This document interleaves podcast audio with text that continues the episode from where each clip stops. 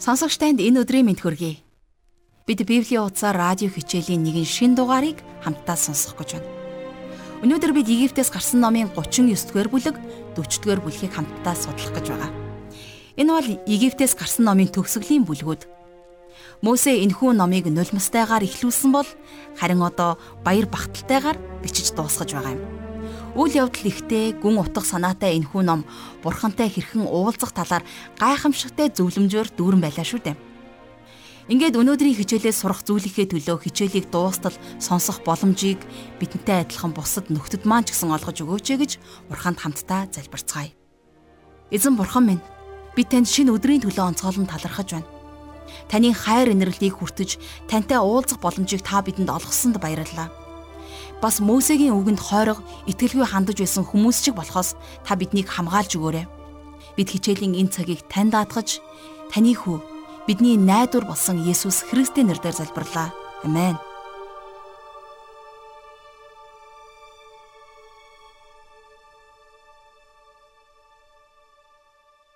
За тэгэхээр өнөөдөр бид Египтээс гарсан номоо үзэж дуусгах гэж байна. Ингээд хамтдаа 39-р бүлгийг гаргацгаая. За тэгэхээр Мосегийн ах Ааронд анхны тэргүүн тахилж байсан. Тэрний өмссөн хувцснууд Христийн хувь хүний чанарын талаар бидэнд илтгэн харуулдаг. Бид нар эдгээр хувцснуудын талаар өмнөх хичээлүүдээр аль хэдийн уншсан. За тэгэхээр хамтдаа нэгээс 2 дугаар ишлэгийг харцгаая. Цаашлаад ариун газарт үйлчлэх үйлчлэл зориулан Тэд эзний Мөсед тушаасны дагуу хөх, ягаан, час улаан даавуугаар нарийн сүлдсэн хувцас хийсэн бөгөөд бас Ааронд ариун хувцас хийв. Тэрээр алт болон хөх, ягаан, час улаан өнгийн даавуу болон нарийн нэгсэн майлангаар эфод хийв. За тэгэхээр эдгээр хувцснуудыг ариунд тооцож байсан. Учир нь эдгээрийг бурхны үйлчлэл зориулан тусгаарлан хадгалсан байж. За 39 дугаар бүлгийнхээ 5 дугаар ишлэгийг харъя. Эфодын дээрх уран сүлжигдсэн бүс нь эзний Мосед тушаасны дагуу алд, хөх, ягаан, час улаан даав болон нарийн нэгсэн майлангаар эфодтай адил хийгдэжээ гэсэн байна. За тэгэхээр юр бусын байдлаар нэгсэн гэдэг утгаараа чамин ганган хийцтэй байсан. Тэрүүн тахилчийн хувцас өмсгөл үндсэндээ 8 хэсгээс бүрдэж байсан юм. За дөрөв нь бүх тахилч нарын өмсдөгтэй адилхан хоорондоо төстэй гэсэн. А харин дөрөв нь түүнд онцгой ялгардаг байсан. Эдгээр нь тэрнийг бусад тахилч нараас ялгаатай болгодог юм. За тэд бол алдар гоо үзэсгэлэнгийн хувцснууд байсан. За энэ бол бидний агуу тэргүүн тахилч эзэн Есүс Христийн бас нэгэн дүр зураг байгаа юм. Тэр ер бусын нэгүүлсэл ба алдар дотор байж өмссөн хувцсных нь хэсэг бүр бэлэгдлийн чанартай байсан гэсэн үг. За эвдрүүлгийн агуу өдөр Аарон ариунаас ариун газар руу цусыг аваад орохдоо алдар гов зэкслэнгийн өөрийн өмсгөлийг хажуу тийш нь тавиад бусад тахилч нарын өмсдөгтэй адилхан энгийн майланган өмсгөлийг өмсдөг байсан юм байна. Тэр ямар ч хээгүй а гэхдээ ариун байх ёстой байдаг. Тахилч нарын өмсдөг цагаан майланг зөвхт байдлыг илэрхийлдэг байсан. За энэ тухай хуучин гэрээний зүнж Исаи номын 52-ын 11-р ишлэлдэр явхтун явхтун тэндээс гарахтун бозор юмд бүү хөргтөн түүний дундаас гарахтун эзний савнуудыг тээгчтэй өөрсдийгөө ариусгах тун гэж бичсэн байдаг. Өнөөдөр ч гэсэн бурхан энийг хэлсэн хэвээрээ. Та хичнээн авьяастай мундаг байлаач гэсэн гим нүгэлтэл бол бурхан таныг ашиглах боломжгүй. Бид нар Бурхны төлөө юу ч хийж чадахгүй. Учир нь тэр тэдний ажлыг хүлээж авахгүй. Өөрөөр хэлэх юм бол гим нүгэлтэд байснараа бид нар мод, сүрэл, өвсөөр байшин барьж байгаатай адилхан. Харин бид нар Христийн зөвхт байдлаар хувцлах ёстой. Үүнийг батлах амьдралаар амьдрах ёстой. За энэ бол эдгээр үндсэн өмсгөлдөх биднэрт өнөөдөр заах хичээл болж байгаа юм. Хүмүүсийн нүгэл гмийн золиосыг өргөхөөр ариунаас ариун газар руу Аарон орохдоо өөрийнхөө алдар гоо үзэсгэлэнгийн хувцсыг хажуу тийш нь тавьдгийг анхаарахад маш сонирхолтой. Тэгэхээр юу вэ гэхээр эзэн Есүс энэ газар дэлхий рүү ирэхдээ өөрийнхөө бурханлаг мөн чанарыг хажуу тийш тавиагүй. Харин тэр алдар гоо үзэсгэлэнгийн өмсгөлөө хажуу тийш нь тавьсан. Тэр бурхны онцгой эрх дарахаа хажуу тийш нь тавьсан гэсэн үг. Тэр алдраа хажуу тийш нь тавиад газар дэлхий рүү хүний биеинд орж ирсэн. Тэр хүү болон мэдлсэн. Хүн бяцхан хүүхдийг биш харин хааныг хүлээж байсан. Тэгээ тэр өөрийгөө гмийн төлөх золиос болгон өргөссөн юм. Тэр өөрийнхөө хүний мөн чанар дотор нас барсан. Тэгэхээр бурхан загалмай дээр нас барсан гэж хэлэх нь буруу. Үхэл гэдгээр тэд нар ямар утга санааг илэрхийлсэн бэ гэж би гайхдаг. Есүс загалмай дээр нас барах үедээ бурхнаас бүр мөсөн тусгаарлагдсан байсан юм. Октийн нүгэлгүй Христ бидний төлөө гим нүгэл болсон гэж Паул Коринтотынд бичсэн 2 дугаар захидлынхаа 5-ын 21 дээр бичсэн байдаг. Гэхдээ тэр агшин хүртэл бурхан Христ дотор байсан. Хорвоо дэлхийг өөртөөгөө ийхүү бурхан эвдрүүлсэн байна. Гоо үзэгслэн алдрын эдгээр өмсгөлүүд үнэхээр чамин гоё байсан. Тэрүүн тахилж тансаг өнгөлөг хувцалсан байсан. Тэр хоёр мөрөн дээрээ чулуун шигтгээд эфодыг өмсдөг. Нэг чулуун дээр нь 6 овгийн нэр, нөгөө дээр нь 6 овгийн нэрийг сэлсэн байж. Энэ нь хончдын агуу хончин.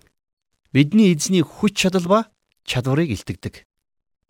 Нэг хонь төөрөхөд бидний агуу аврагч түүнийг ирж олоод мөрөн дээрээ тавьж буцааж авчирдаг. Биднийг мөрөн дээрээ тавиад сүрэг рүү минь аюулгүй буцааж авчиж чадах нэг хончин бидэнд байгаад бид нар бурхандаа талархаж байна. Тэр түүгээр дамжин бурхан руу ирэх бүх хүмүүсийг аврах чадaltaй байдаг юм.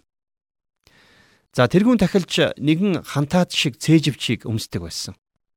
За энэн дээр нь 12 чулуун шигтгэ байж. Үнэхээр үзэгсэлэнтэй сайхан байсан. За тэрэнд үрим түмимийг хийх халаасархуу тийм зүйл байсан. За үрим түмим нь зөвнөлттэй хамаатай буюу зөвнөлийг илтгэж байсан. За яаж гэдгийг нь бидэнд хэлээгүй.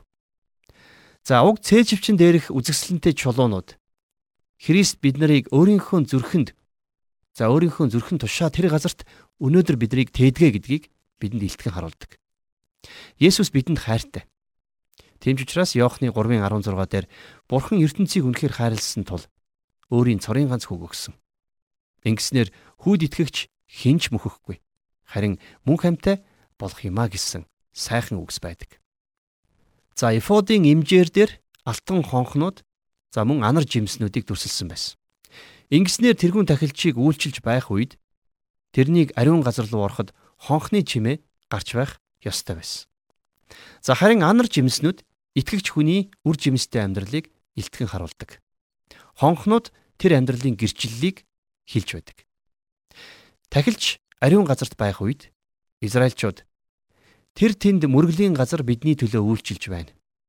Бид хонхнуудын дууг сонсож байгаа болохоор Түүнийг тэнд байгааг мэдэж байна гэж хэлэх боломжтой байсан. Тэгэхээр бидний тэрүүн тахилч Бурхны оршихуйд та биднийг төлөөлж байдаг. Энэ нь биднийг Христ рүү татах ёстой байдаг юм. Тэрүүн тахилчийн хонхнуудын дууг сонсох нь тэр үедээ үнэхээр гайхалтай зүйл байсан баг. Тахилчийн өмсгөл ямар гайхамшигтай дүр зургийг бидэнд өгнө вэ? Түүний тэргүүн дээр эзэнд ариун гэж бичсэн бичээс байсан. Энэ нь ариун байдлын талаар хэлдэг. Өөрөөр хэлбэл та бидний дотоод амьдралын тухай өгүүлдэг гэсэн үг. Гэхдээ хамгийн чухал зүйл бол тэрүүн тахилч үйлчлэлийн ажилд бүрэн зориулагдсан байх ёстой гэсэн утгыг илэрхийлдэг юм. За ариун гэдэг санаа бол альва зүйл бурханд хэрэглэгдэхийн төлөө тусгаарлагдсан байх ёстой, зориулагдсан байх ёстой гэсэн үгийг илэрхийлдэг байсан. Тэгэхээр номлогч нар бол наран доор бүх зүйлийг хийж чаддаг хүмүүс байдгаа гэж би хувьдаа боддог. Тэд нар хүнийг нийгэмшүүлж, за дал мөрөн дээр нь алгадан урамшуулж, гар барьж, асарч, хамгаалж, эзний үгэн дээр өсгөж боожулдаг. Харин олон номлогч нар энэхүү өөрийнхөө үйл хэрэгээс цөхөрдгийг би бас мэднэ.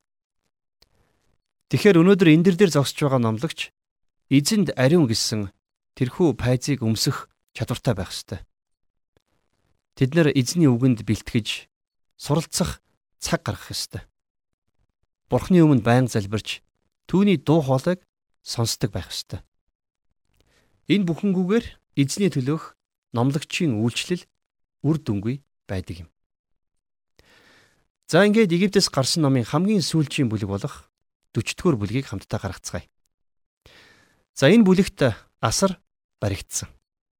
За бид нар аль хэдийн асрын тавилга тахилчийн өмсгөлийн талаар авч үзсэн болохоор ганцхан зүйлийг л энд илүү анхааран авч үзхийг хүсэж байна. За энэхүү асрыг Израилийн хооронд барих үед нэгэн гайхалтай зүйл болсон юм. Хамтдаа 40-р бүлгийн 34-өөс 38 дугаар ишлэгийг харцгаая. Тэгтэл хурлын майхныг үүл бүрхэн эзний цог жавхлан асрыг дүүргэлээ. Эзний цог жавхлан асрыг дүүргэж дээр нь үүл багшран суусан тул Мосе хурлын майхан руу орж чадахгүй байв. Тэдний бүх аяны туршид үүл асрын дээрээс дээш өргөгдөх болгонд Израилийн хөвгүүд хөдлөн харин үүл дээш өргөгдөхгүй бол дээш өргөгдөх өдрийг хүртэл тэд хөдөлтгүй байлаа. Учир нь тэдний бүх аяны туршид Израилийн бүх гэрийн нүдэн дээр эзний үүл өдөр нь асрын дээр байж шөнө нь үүлэн дотор гал үзэгдэв.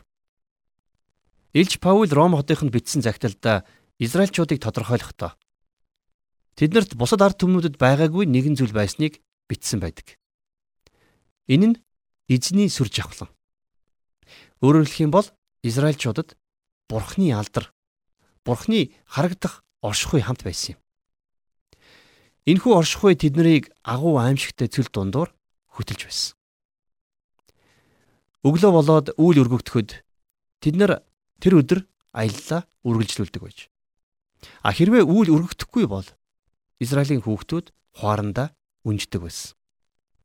Тэд нар өөрсдийнхөө мэрэгэн ухаан ойлголтоор хизээж хөдөлж байгаагүй. Тэр бүхий л хөдлөх үгүй юу гэдэг дээр санал хураах шаардлага байгаагүй. Мосеч энэ үед шийдвэр гаргаагүй. Харин үүл гаргаж байсан. Заримдаа бид нэр Христ бол чуулганы тэргүүн гэж цуглаандаа хэлдэг. Танаа цуглаан яадаг вэ? Тэр үнэхээр танаа цуглааны тэргүүн мөн үү? Өнөөдөр бид үүлийг дагаж байна уу? Эсвэл бид нэр амжилттай бизнесменийг чуулганыг удирдах зөвлөлдөр тавьдаг уу? Өнөөдөр та нар хүмүүсийн биеийн асуудлын талаар номлогчтойгоо ярихыг хүсэж байна.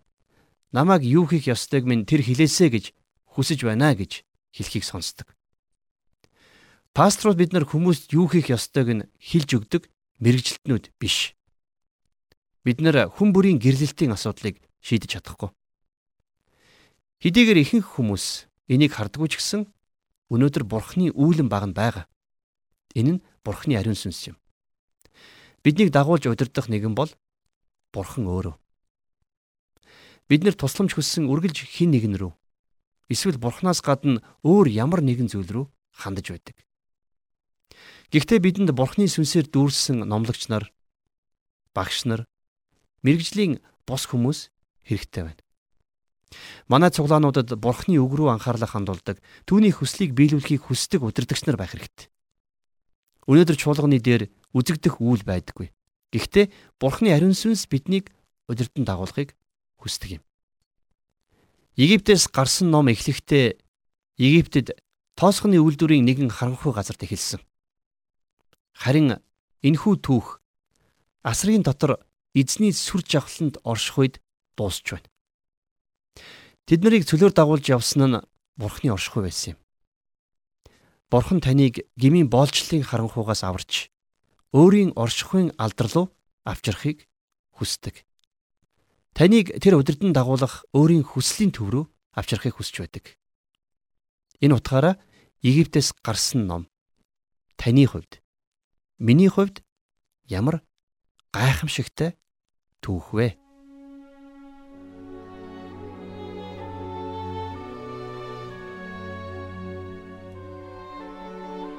Тэгэхээр юуны өмнө энэ номыг судлах боломжийг олгосон эзэн бурханд онцгойлон талархаж байна. Зүрүүд бардан Мосег бэлдэхдээ 40 жил цөлд хончин болгож дараа нь зүгтсан газар луунд буцаан илгээж өөртөө хэрэгэлсэн түүхээс та урам зориг авсан уу? Бид ч гэсэн амьдралдаа зүхтаж нуугдсан бас өөрийнхөөрөө биш өөр хүний хүсснээр амьдрах үе бишгүй л олон байдаг. Харин бурхантай уулзалт ямар агуу гайхалтай өөрчлөлт бий болж өөхөх тавилантай төрсөн хүү ханхүү болон өөрчлөгдөж өөрийнхөө дураар амьдрал ханхүү хончин болон өөрчлөгдгийг бид хамтдаа сурсан. Бас бурхан амлсан л бол түүндээ заавал хүрдгийг бас бурхан өөртөө холбоотой тэр альва жижиг зүйлийг өчүүхэн жижиг гэж үздэггүйг бид хамтдаа сурсан. Эцэст нь бурхан өөртөөгөө уулзах газрыг хүмүүсээр биш харин өөрийнхөө хүслээр зааварчлан бариулахыг бид дүнгэд сая сурлаа шүү дээ. Хэлсэн үгийн дагуу хийвэл өөрөө оршихуйгаараа хамт байдаг гэдгийг мэдэж авлаа. Библийн хуудасаар радио хичээл маань үргэлжлүүлэн Библийн өөр олон гайхамшигтай номоор иргэн уулзах болно. Бурхан таныг үнэхээр ивэж өрөөх болтугай. Харин одоо бурханд хамтдаа талархах цаг гаргацгаая. Эзэн бурхан минь танд онцгойлон талархаж байна. Та үргэлжлүүлэн миний амьдралын хүнд хэцүү өдрүүдэд та өөрийнхөө амлалтын үгийг сануулж, та өөрийнхөө өгөөмөр нэгүүлсэнгүү гар мутраа сунгаж өгөөрэй. Бид амь амьдралаа тань даатгаж Есүс Христийн нэрээр залбирлаа. Амен.